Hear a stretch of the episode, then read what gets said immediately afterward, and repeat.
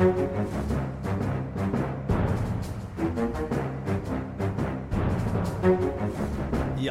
Eh, Velkommen til en ny uke med podkasten Aftenpodden. Jeg er politisk journalist Lars Glomnes. Med meg har jeg politisk redaktør Trine Eilertsen. Hallo, hallo. Hei. Kulturredaktør Sara Sørheim. Velkommen. Hallo. Eh, denne uken er det ikke annet å si enn at det har vært et eh, Vi har merket måte bølgen der ute.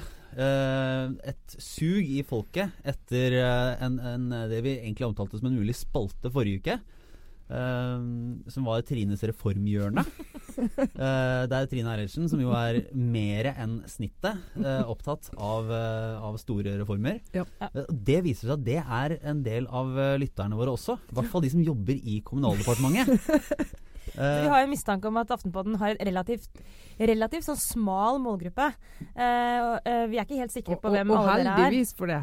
Men jeg tror faktisk vi kan slå fast at iveren etter å snakke om reformer er eh, kanskje 800% høyere blant våre lyttere enn befolkningen generelt.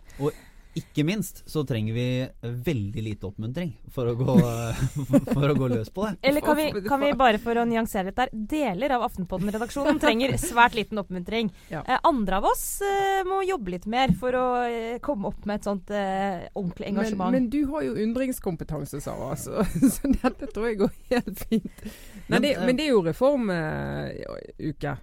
Ja, og, og hvis man, det har jo vært sagt, hvis man skal se tilbake på, på hva Solberg-regjeringen på en måte ved endt tid hva de skal ha fått gjennom, gjennomført, så var jo noe av det de solgte seg inn på, var å gjennomføre større reformer som ville effektivisere Norge. Eh, og- Nye ideer, bedre løsninger, faktisk. Ikke sant. Og uh, det er det vi skal ta for oss i dag, er da egentlig to uh, deler av dette. eh, som er skattereformen og eh, kommunereformen. Den, eh, den eh, pågående store runden. Eh, og et, etter hvert så skal vi vel runde innom eh, et lite parolemøte som eh, glapp eh, så vidt for oss i forrige uke. Ja. Og så skal vi gå litt videre på dette med, med dialogen med lytterne våre og noen innspill vi har fått. Eh, og det er omtrent denne historiearken i, i denne utgaven. Men eh, Trine, fordi nå er det skattereform på gang. Kan Ja. du bare dra kjapt eh, Kan jeg hvorfor bare dette er viktig? eh, nok en gang avbryte med å si sånn Nå er det skattereform på gang. Eh, og nå altså, Har det noensinne ikke vært eh, skattereform eller Ja. kommunereform på gang, eller helst begge deler? Altså er det liksom Ja, ja, ja. Men veldig, veldig sjelden vi har sånne reformer, okay. Sara. Altfor sjelden, vil noen mene. Eh, men eh, sånn eh, kommunereform det er jo veldig veldig lenge siden vi har hatt. Men skattereformen, den siste store var jo i 92. Det var den store. Da hadde vi et veldig dysfunksjonelt skattesystem. Fikk et nytt et som ble veldig bra, et av verdens beste. Og dette er egentlig en justering. Sant? Så vi liksom snakker om reformen. Det er, en, det er en justering og noen endringer på deler av det skattesystemet. Utgangspunktet det begynte jo på slutten av den rød-grønne regjeringen. Så sa de at vi, vi må sette ned eh, selskapsskatten, altså skatten på overskuddet til, eh, til bedriftene. Eh, For å eh, sikre at ikke bedrifter flytter, flytter, fordi andre land rundt oss setter jo ned den type skatt. En type sånn måte land konkurrerer for å få eh, etableringer og investeringer hos seg. Og så er det jo sånn med skatt som er veldig mye annet i dette landet, at alt henger sammen med alt. Så du tar, tar ikke bare og drar i det ene lille fliken av gulvteppet og tror at du får justert litt. Du må fikse, på, fikse litt på det hele. Eh, så eh, Scheel-kommisjonen eller utvalget ble nedsatt for å se på det. Leverte sin eh, sin rapport, eller hva du skal kalle det. Og så skulle regjeringen da til finansminister Siv Jensen og skulle ta det videre. Og så er det jo altså om en skattereform at vi må prøve å få et forlik i Stortinget. og Det handler egentlig om at Høyre og Arbeiderpartiet må være enige. Storkoalisjonen. Storkoalisjonen må være enig. Hvis Alle ikke, store spørsmål i norsk politikk har Ja. blitt løst gjennom at de har eh, blitt enige. altså, I mer enn innenfor nesten alle andre områder så må du ha forutsigbarhet når det gjelder skatt. Skatt er liksom ikke noe du kan drive, selv om det har vært noen sånne mørke budsjettforlik eh, på nattestid som har gjort ting med skatt som har vært uh, uheldig. Så skal du som hovedregel må det være det må være enighet. Det må ikke være for mye endringer sånn som ikke tar hensyn til hele pakken. Um, og Derfor så må Høyre og Arbeiderpartiet være enige, og det må ikke være for mye som, som henger i luften. Så Derfor så sier jo Arbeiderpartiet vi har lyst til å lage forlik med regjeringen, og regjeringen sier det er vi jammen glad for. Eh, finanskomiteen begynner å jobbe med eh, innspill fra eh, både regjeringen og, og Arbeiderpartiet, som er de viktigste å snakke om her. Eh, og denne uken her så må vi vel nesten konkludere med at eh, komiteen eh, kaster inn håndkle. Det, er ikke- det er ikke grunnlag for et forlik nå på skatt, og det handler om veldig mye i den store, store. Først og fremst om den store, store skattediskusjonen vi har hatt de siste årene, og helt fra forrige valgkamp, formuesskatt. Litt sånn rart, egentlig. Formuesskatt er bitte, bitte lite hvis du ser på all skatt. Viktigste skattyter i Norge er jo oss, vi som jobber. Og det Eh, man vel er, man er enig om at selskapsskatten skal ned, og Selskapsskatten skal ned. Personskatten må da følge den. Eh, og så må vi opp med skatt på en del andre områder. Sånn er det også hvis du skal beholde provenyet, sier jeg. Totale inntektene. Og det er jo en skillelinje mellom Arbeiderpartiet og Høyre. Høyre, eh, Høyre Frp sier at vi ikke nødvendigvis er nødt til å beholde provenyet. Norge lever godt med lavere skatt, da får vi i gang eh, mer aktivitet. Bedriftene har lyst til å investere mer, folk har lyst til å jobbe mer. Arbeiderpartiet sier at den effekten er tvilsom. Uh, vi må ha de inntektene vi trenger de til å løse oppgaver, så der er en uenighet. Og det andre er fordelingsprofilen på det, da, og der kommer jo formuesskatten inn. Avskaffer du formuesskatten helt, så er det altså formuleringen eh, høye skattelette til de som har mest fra før. Den er jo ikke ukjent. Og det man har, eh, har snakket om nå de siste ukene, eller mens dette har pågått, har jo, har jo, har det jo særlig Høyre gått og, og gnidd seg i hendene med et håp om at man skulle knekke en løsning om dette med arbeidende kapital, som Høyre egentlig ikke har vært spesielt eh, De har ikke ment at det har vært en De har aldri vært opptatt av det. Nei, det, det egentlig. Senterpartiet og KrF og litt sånne, de som er opptatt av traktorer og sånt, har vært opptatt av det. Eh, men så kom det jo et innspill fra denne alliansen eh, for, mot eh, hva var det, ekstra formuesskatt. Altså de som vil at norske eiere ikke skal ha en skatt som utenlandske eiere ikke har. NHO, Bondelaget, et par til. som trakk inn denne her arbeidende kapitalelementet og sier at hvis vi da bare slipper kapital på maskiner som er i drift og en del altså penger som liksom står og jobber da for eierne, så vil eh, mye være gjort. Og så sier jo, tror jeg de aller fleste økonomer vil si at mm, den som klarer å skille akkurat mellom den kronen som arbeider og den kronen som eh, ligger litt på latsiden og bare ikke bidrar med noe, den er god. Så det, det er veldig komplisert det òg. Det er ikke bare å si at du gjør det, da. Ja, Det høres veldig deiligere ut med sånn ikke-arbeidende kapital. Det har jeg lyst på å ha masse av. Sånn eh, feriekapital som du bare kan eh, slappe av med. Men du, betyr det at det ikke blir noen skattereform? Det er jo det spørsmålet som Altså, er det umulig å få det til? Altså Det blir jo endringer i det, men det som eh, det ligger an til nå, er jo at uh, altså regjeringen kom jo med noen linjer. Var det fem avsnitt på en halv av fire side sider her i ja, går? Fem, fem setninger på det som var et uh, litt over en halv av fire side, var det som, som ble lansert som en skisse fra regjeringspartienes side. Da. Eh, og, men det ble oppfattet som en, en blankofullmakt eh, som de ba om til at eh, Finansdepartementet skulle gå tilbake og se på hvordan de ville kunne innrette en, eh, en ordning med med reduksjon i formuesskatten, bl.a. med en modell for, for å skille mellom arbeidende og ikke-arbeidende kapital. Mm. Eh, men eh, i Arbeiderpartiet så ble jo det tolka, og det var vel ikke så rart at det kanskje ble sett på sånn, eh, som at det lå et underliggende premiss om at formuesskatten skulle reduseres uten at andre ting skulle heves. Og Ja. da er det vanskeligere å bli enige. Og, Ja, det er vanskelig. Og så er det jo, er det jo um, Altså hele den At ikke det står noe der om du er enig om altså provenyeffekten skal være nøytral. Altså om du er villig til at du faktisk går ned i totale inntekter, da. Eller ikke. Eh, og, hvordan, og fordelingen på det. Det er jo akkurat det uenigheten handler om. Så hvis ikke det er spesifisert nå, så er det jo ikke noe forlik der. Men hva må man gjøre da, Trine? Siden du det er, Du må vel ha en slags formening? Nei, altså- altså- Fins det en løsning der ute? Ja, det gjør det jo helt sikkert. Og Høyre og Arbeiderpartiet de er kjempeansvarlige. De stoler vi på. Så dette må de ordne opp i. Eh, Men uh, si hvis vi ser frem mot statsbudsjettet til høsten, så er det, det er litt sånn eh, valgbudsjettet. Uh, vi begynner å nærme oss uh, valget i 2017 i en rasende fart. Uh, og hvis det er da de skal ha den diskusjonen, så tror jeg at det er vanskeligere. Det hørte Magnus Takvam, jeg kan knabbe hans poeng, han sa det på Politisk kvarter i dag. Altså Han sier jo det at det, er vanskeligere å bli enige om det. En del sånn tekniske ting rundt dette, ikke minst på formuesskatten, i en sånn situasjon enn hvis det var veldig lenge til valget og du kunne på en måte bruke litt tid på det. Eh, og frontene er jo akkurat på den formuesskatten er jo frontene helt knallharde mellom Mm. Høyre og Arbeiderpartiet. Altså Arbeiderpartiet kan ikke gå med på å fjerne en skatt som er beskatter de aller rikeste såpass tydelig som de gjør. Eh, og Høyre da, de har et bakland, en haug med mindre bedrifter. Og de, de, rikeste er faktisk ikke veldig viktig for Høyre i den situasjonen. Egentlig ganske litt så irriterende for dem, fordi de ødelegger bildet. Men det er mange av de som ikke er så rike, men som eier eh, mindre bedrifter, har ti ansatte. Små og mellomstore bedrifter. Ja, type det familiebedriftene, det er norske eiere, det er langs kysten. Og det er bedrifter som sliter nå, eh, som selvfølgelig enda mer maser på sitt parti da, om at nå, eh, nå må dere få gjort noe med i hvert fall dette. Så det for Høyre òg er litt sånn utenkelig å gi opp eh, å kutte formuesskatten. Så akkurat den er ganske låst. Men dette går jo rett inn i den litt mer overordna. Nå skal vi ikke fare helt ut i, i, de gigantiske problemstillingene her, men det er jo en sånn underliggende en sånn ekkel følelse av at eh, demokratiet, eh, så hyppig som vi har det i alle velfungerende samfunn, altså valg hvert fjerde år, bare hindrer eh, partiene fra å få gjort eh, helt nødvendige grep Rett og slett fordi de har for mange velgergrupper å ta hensyn til. Tenk nå hvis det var sånn pause i uh, Ti års pause, og så Røns lille fascistiske manifest for å få ting gjort i samfunnet. For å få ting gjort, da. Få ting løst. Ja, men innrøm det. Altså bare si sånn OK, Høyre og Arbeiderpartiet, nå får dere så og så mange år. Uh, finne ut av det. Komme opp med løsningene. Bare do it, og så starter vi på scratch igjen når vi er ferdig. Ja. Jeg er sikker på det hadde sikkert garantert hatt noen uheldige konsekvenser. men vi har fått gjort ganske mye. Men det er jo veldig interessant det, fordi at uh, kommunereformen er jo et eksempel på en sånn sak eh, som uh, Arbeiderpartiet og Høyre tradisjonelt har egentlig vært tenkt ganske likt om. så har de ødelagt for hverandre ved forskjellige korsveier, sånn politisk, dessverre.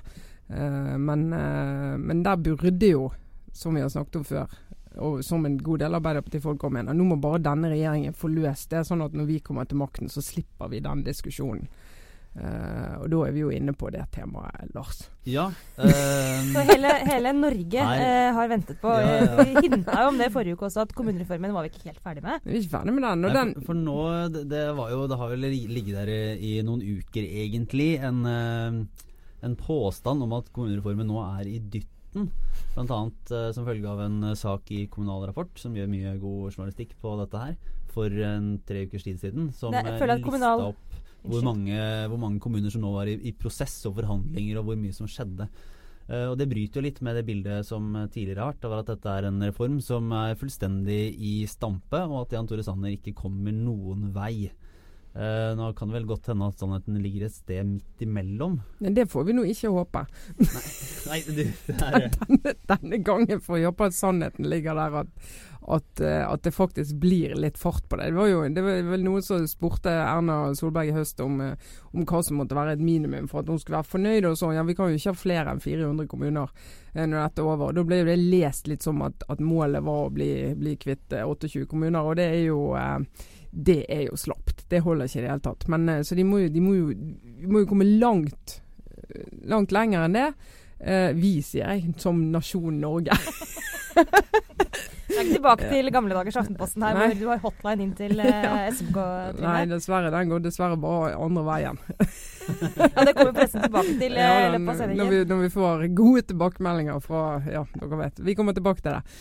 Men, uh, men han har jo vært dømt nord og ned i høst av flere Um, altså kommunereformen? Ja, kommunereformen. Og det, så det går så tregt, og nå er alle kommuner anti fordi regjeringen har så dårlig prosess og ditt og datt. Det, det, er helt sikkert mye riktig, det. Jeg tror litt av problemet i det, og det peker jo faktisk av alle, da. En eh, SV-politiker på, på Facebook, Facebook, tidligere SV-politiker, han, uh, han, sier jo det at Eh, Tor Egil eh, Brodland han var ikke SV på Stortinget. for Han sier jo det. Jeg er sannsynligvis den eneste i SV som mener kommunesammenslåingen går for tregt og for retningsløs. Vi burde slått sammen mye mer og med en plan. Nå er det hummer og kanarier. Jeg mener at Jan Tore Sanner burde ha tegnet kartet basert på arbeidsmarkedsregioner, og Stortinget burde vedtatt det, og så kunne kommunene fortsatt diskutert. Det er jo en ganske eh, hva skal jeg si, sentralistisk og sånn i norsk forstand radikal måte å drive med endringer på. Eh, men jeg tror han kjenner på noe som en del politikere kjenner på i flere partier. At greit, vi er uenige med de blå. Eh, og, og, måten, og de lokker med penger og ikke penger til de som vil og ikke vil. Eh, men, men, noe må jo skje. Og så tenkte jeg Da den rød-grønne regjeringen la frem Samhandlingsreformen, så et av premissene for den var at den ville fungere aller best hvis du hadde kommuner eh, som hadde rundt 25 000 innbyggere. Og Årsaken til det var at mindre kommuner enn det klarer egentlig ikke å være en motpart til de store sykehusene. De har ikke apparat til det, og til å gjøre de oppgavene som Samhandlingsreformen sier at de skal gjøre når de skal ta imot pasienter og gi dem et tilbud og holde en liksom fornuftig kontakt med sykehuset. Eh, og den eh, Det ser vi jo. Vi så jo det Riksrevisjonen gikk gjennom eh, Samhandlingsreformen og peker jo på en haug med svakheter. og En del av det handler om at kommunene er for små og for svake.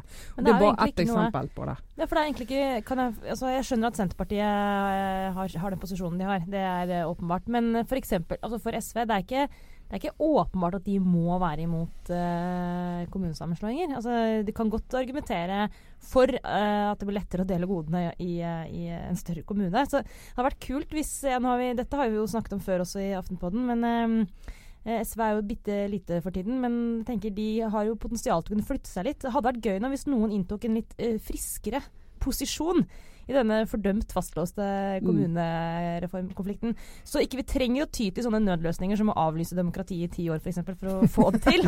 Men, men en ting er nå tidligere Frp-politikere som Nei, unnskyld. SV-politikere som skriver på Facebook. Men er det noen reell bevegelse eh, politisk eh, som gjør at det er eh, noen muligheter her for å faktisk få det gjennomført? Altså, det er jo, nasjonalt er jo ingen som snakker om det. men lokalt er det jo masse diskusjoner om det. Altså, hvis du skanner noen lokalaviser i Norge, så er det jo litt det det handler om. og Det er jo de der nabolagssamtalene. og det, det noen steder går det ganske greit, andre steder er det harde fronter og alt det som det skal være når du diskuterer eh, kommunesammenslåing. Og så fikk jo Jan Tore Sanner eh, kritikk for at han går ut og er veldig tydelig på at de skal få økonomisk belønning, de som, de som gjør det, mens de andre kan risikere å bli straffet økonomisk.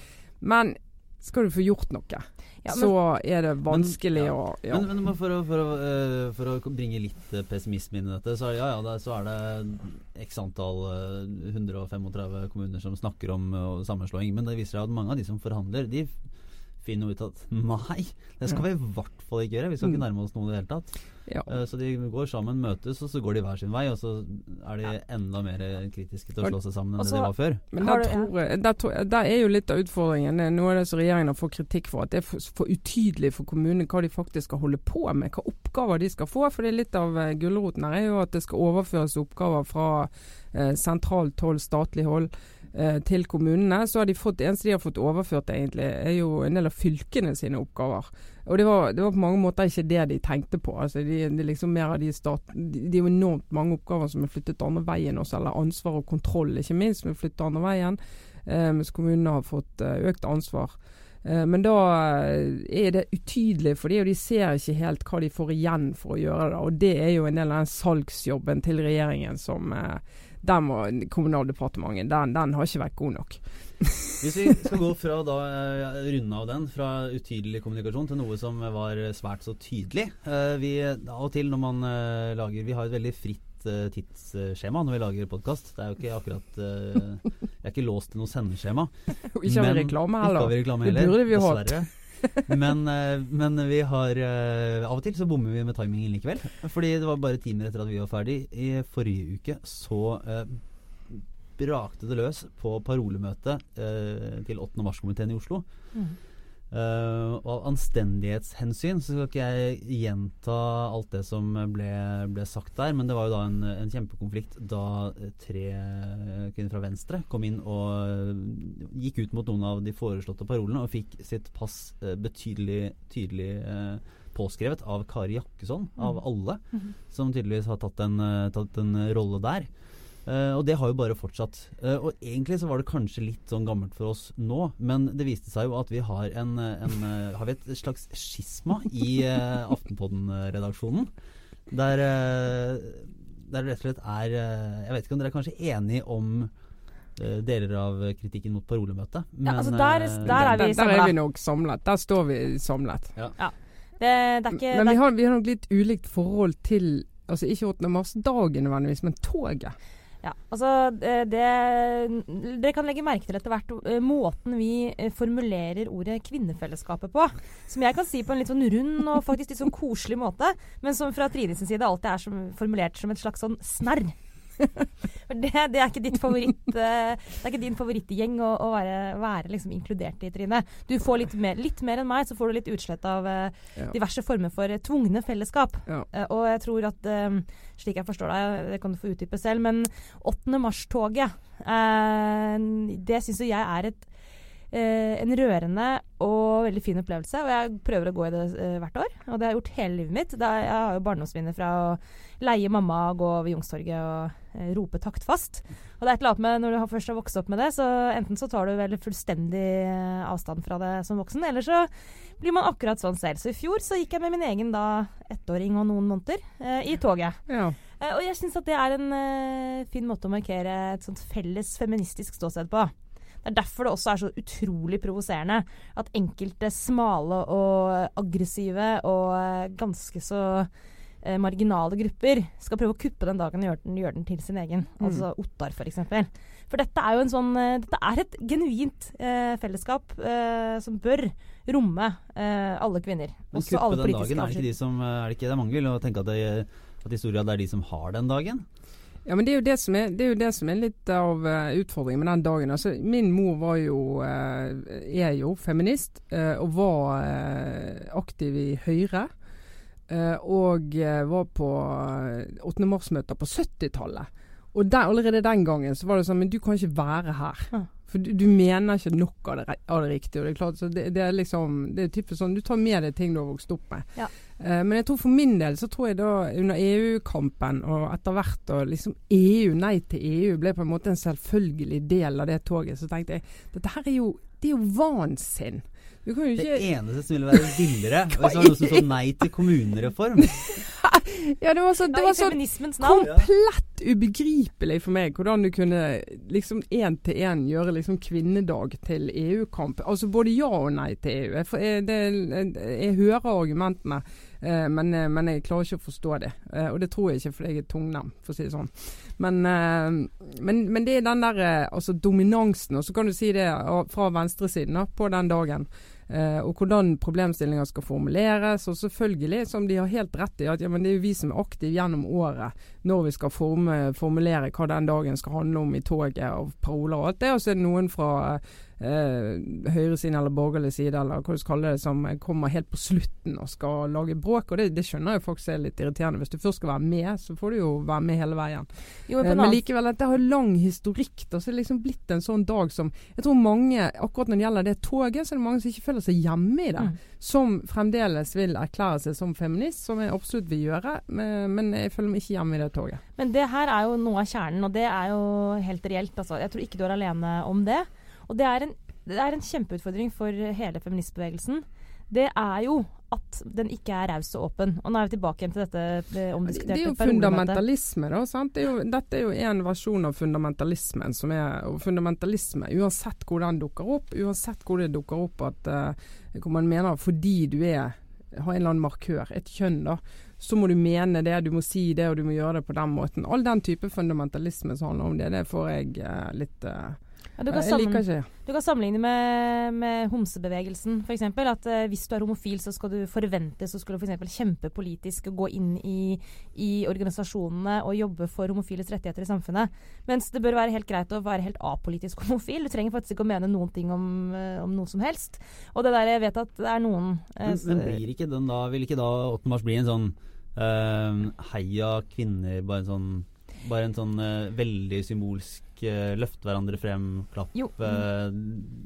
hvis ikke man har liksom de politiske er enige om noen virkemidler for å komme noen vei, altså, Jo, men- hva, er det som, hva står igjen da? Men hvis det var sånn at eh, det ikke eksisterte en skjevhet i samfunnet, eh, hvis ikke det var en kjønnsforskjell der som man burde gjøre noe med, så er jeg helt enig, det er helt meningsløst å ha en sånn heia kvinner generelt-dag. Men faktum er at det fortsatt er eh, en kamp å kjempe. Eh, eksempel, eh, som vi har diskutert tidligere i Aftenpodden også, når man ser på hvordan kvinner er representert i topplederstillinger. Og så er det tusen forklaringsmodeller og ulike årsaker til at, eh, at det er for få damer i posisjon. Men det er noe sånn at det er fortsatt mange uløste spørsmål som, som man godt burde liksom samle seg om og prøve å finne løsninger på. Som hele tiden blir spent ben på av det som er ja, fundamentalisme, sekterisme, kall det hva du vil.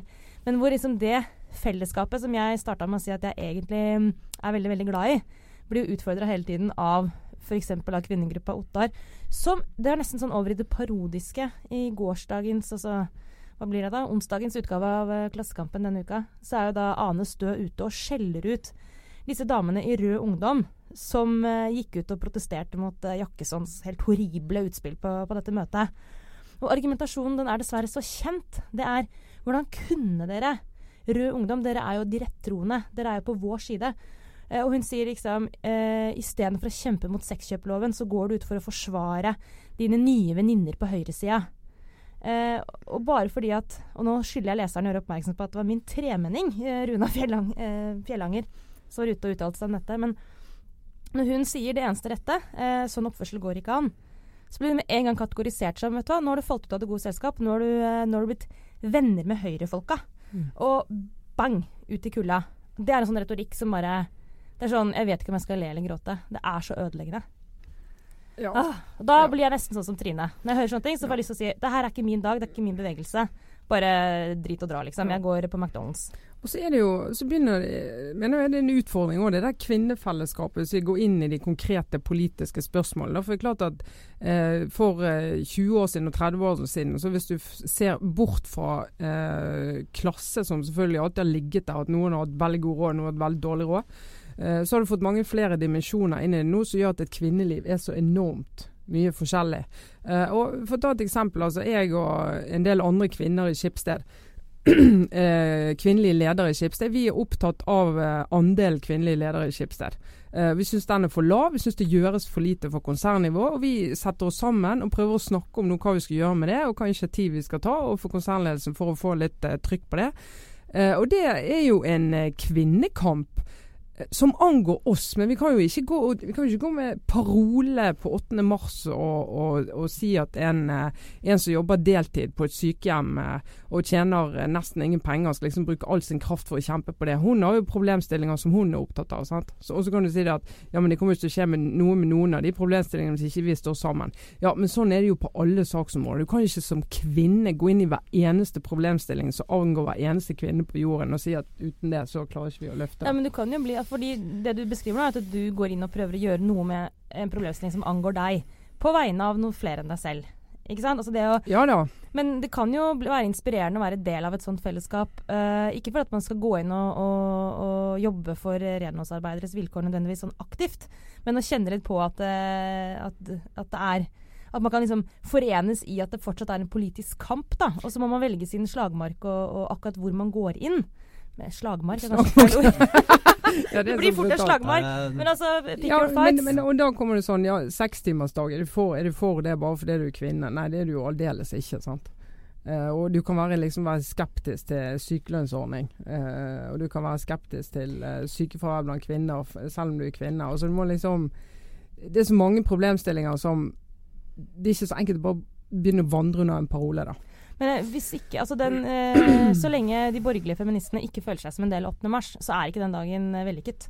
Det, altså, Nei, er det en del av de borgerlige feministene som lever i en helt naiv, utopisk verden. Det må jeg jo også si, da. Eh, Så det gjør det jo ikke enklere. Det er jo totalt eh, nå- uten nå må vi kontakt runde med av her Hvis vi skal ha tid til en, eh, en, en eh, slags eh, spalte, eller noe vi har, har tenkt på, at vi må godt kan ha litt mer eh, dialog med de som lytter på oss. Ja, det er veldig kom- inn for tiden med dialog veldig med inn. ja. Eh, Sara ble så oppmuntra fordi hun fikk en tilbakemelding her uh, i forrige uke uh, om at uh, det var en eh, mediepersonlighet som likte å høre på Aftenpodden først og fremst fordi Sara Sørheim hadde Norges mest sexy stemme. Uh, og da insisterte Sara på at vi måtte ha en spalte der vi tok opp sånne leser... Uh, lytterinnspill. Nå syns jeg du er veldig lite kollegial her, eh, Lars. Men uh, Det var, bare, det var ikke sant at det var du som Nei. pusha det nå. Nei. Nei, Men, jeg ble eh, faktisk litt flau på ekte. ja. Ja, takk for Men det var, det, var en hyggelig, det det. var en hyggelig tilbakemelding. Uh, men vi fikk også litt kritikk, uh, og vi, vi skal være um, Ja, ja, vi fikk kritikk fra, fra det politiske miljøet. Eh, mann i tidlig 30-årene, nær makten kan vi si at det var. Så vi fikk kritikk som mente at vi var, vi var litt sånn for desillusjonerte på politikkens vegne. Vi, vi, snakket, vi snakket jo om eh, politikere som verken kan snakke eller Eller tenke. eller tenke, eller Ja, vi var jo Eller ganske samarbeide det Eller var samarbeide. ja. Det var mye greier forrige uke, husker jeg. Vi skal ta eh, Om ikke nødvendigvis sjølkritikk, det driver vi jo ikke med i utstrakt grad, men vi kan ta og nyansere det. Og det, det må jeg si. Norske politikere, som vår eh, kritiker, da, sier veldig hardtarbeidende og veldig skikkelige folk. Og det har han jo helt rett i. Helt rett i det. Men eh, vi, kan, vi kan jo ikke sitte og snakke om det i en halvtime. Nei, men jeg kan jo bemerke at, uh, at jeg faktisk Jeg hørte Dagsnytt 18 fra onsdag. Uh, da var det en debatt med Jonas Gahr Støre og Erna Solberg. Der jeg syns begge var ordentlig gode. Ja. Og veldig tydelige, og hadde prata godt med, med og mot hverandre. Og jeg, jeg velger jo da å ta det uh, som et, Ja, tegn på at uh, noen har hørt på oss, da. Ja. Hvor mange i forhold til feil uh, hadde de i løpet av sendingene? Eh, færre enn vanlig, og eh, begge var ganske poengtert og, og fikk fram eh, Ja, klare ja, forskjeller. de, de var gode. Jeg hørte at det var Det varte jo lenge òg. Treholt skulle jo egentlig ha vært i studio, Arne Treholt eh, i Dagsnytt 18, men han kom jo ikke, så de måtte jo fylle studio med bl.a. nesten 20 minutter med, med Jonas og Erna. Så de fikk jo snakke ut, da. Dette er jo det endelige, endelige triumfen for politikere som hevder at hadde de bare fått lov til å snakke litt lenger, så hadde det blitt interessant. Kanskje vi skal ta, ta det litt eh, innover oss, da, rett og slett. Ja, det er litt sånn som vi gjør her. Vi snakker så lenge som trengs. Og eh, vi kan jo i og for seg oppmuntre i eh, dialogens eh, navn at de som har innspill For vi skal også evaluere oss selv i et lite konsernmøte neste uke. Ja. Der vi skal se litt på hvordan vi driver. Så tilbakemeldinger på ris og ros tas imot på Twitter på altså krøllalfa Aftenpodden, rett og slett. Der vi gjerne diskuterer også med de som måtte ville lytte på oss. Og så eh, sender vi deg av gårde, Trine, på en- hva er det der? årsmiddag i Norges Banks Norges Bank. årsmiddag i kveld, ja. Jeg og Ola Storeng skal eh, dit og snakke med folk. Hvis ikke du Og kommer kanskje tilbake kan Ja. jeg ha med meg et uh, sant, men ubekreftet rykte neste uke. Det må være ambisjonen, det. Et godt et, ja. Men uh, da takker vi for oss uh, for denne gang. Eh, Sara Sørheim, Trine Eilertsen og jeg og Lars Klomnes. Ha det bra.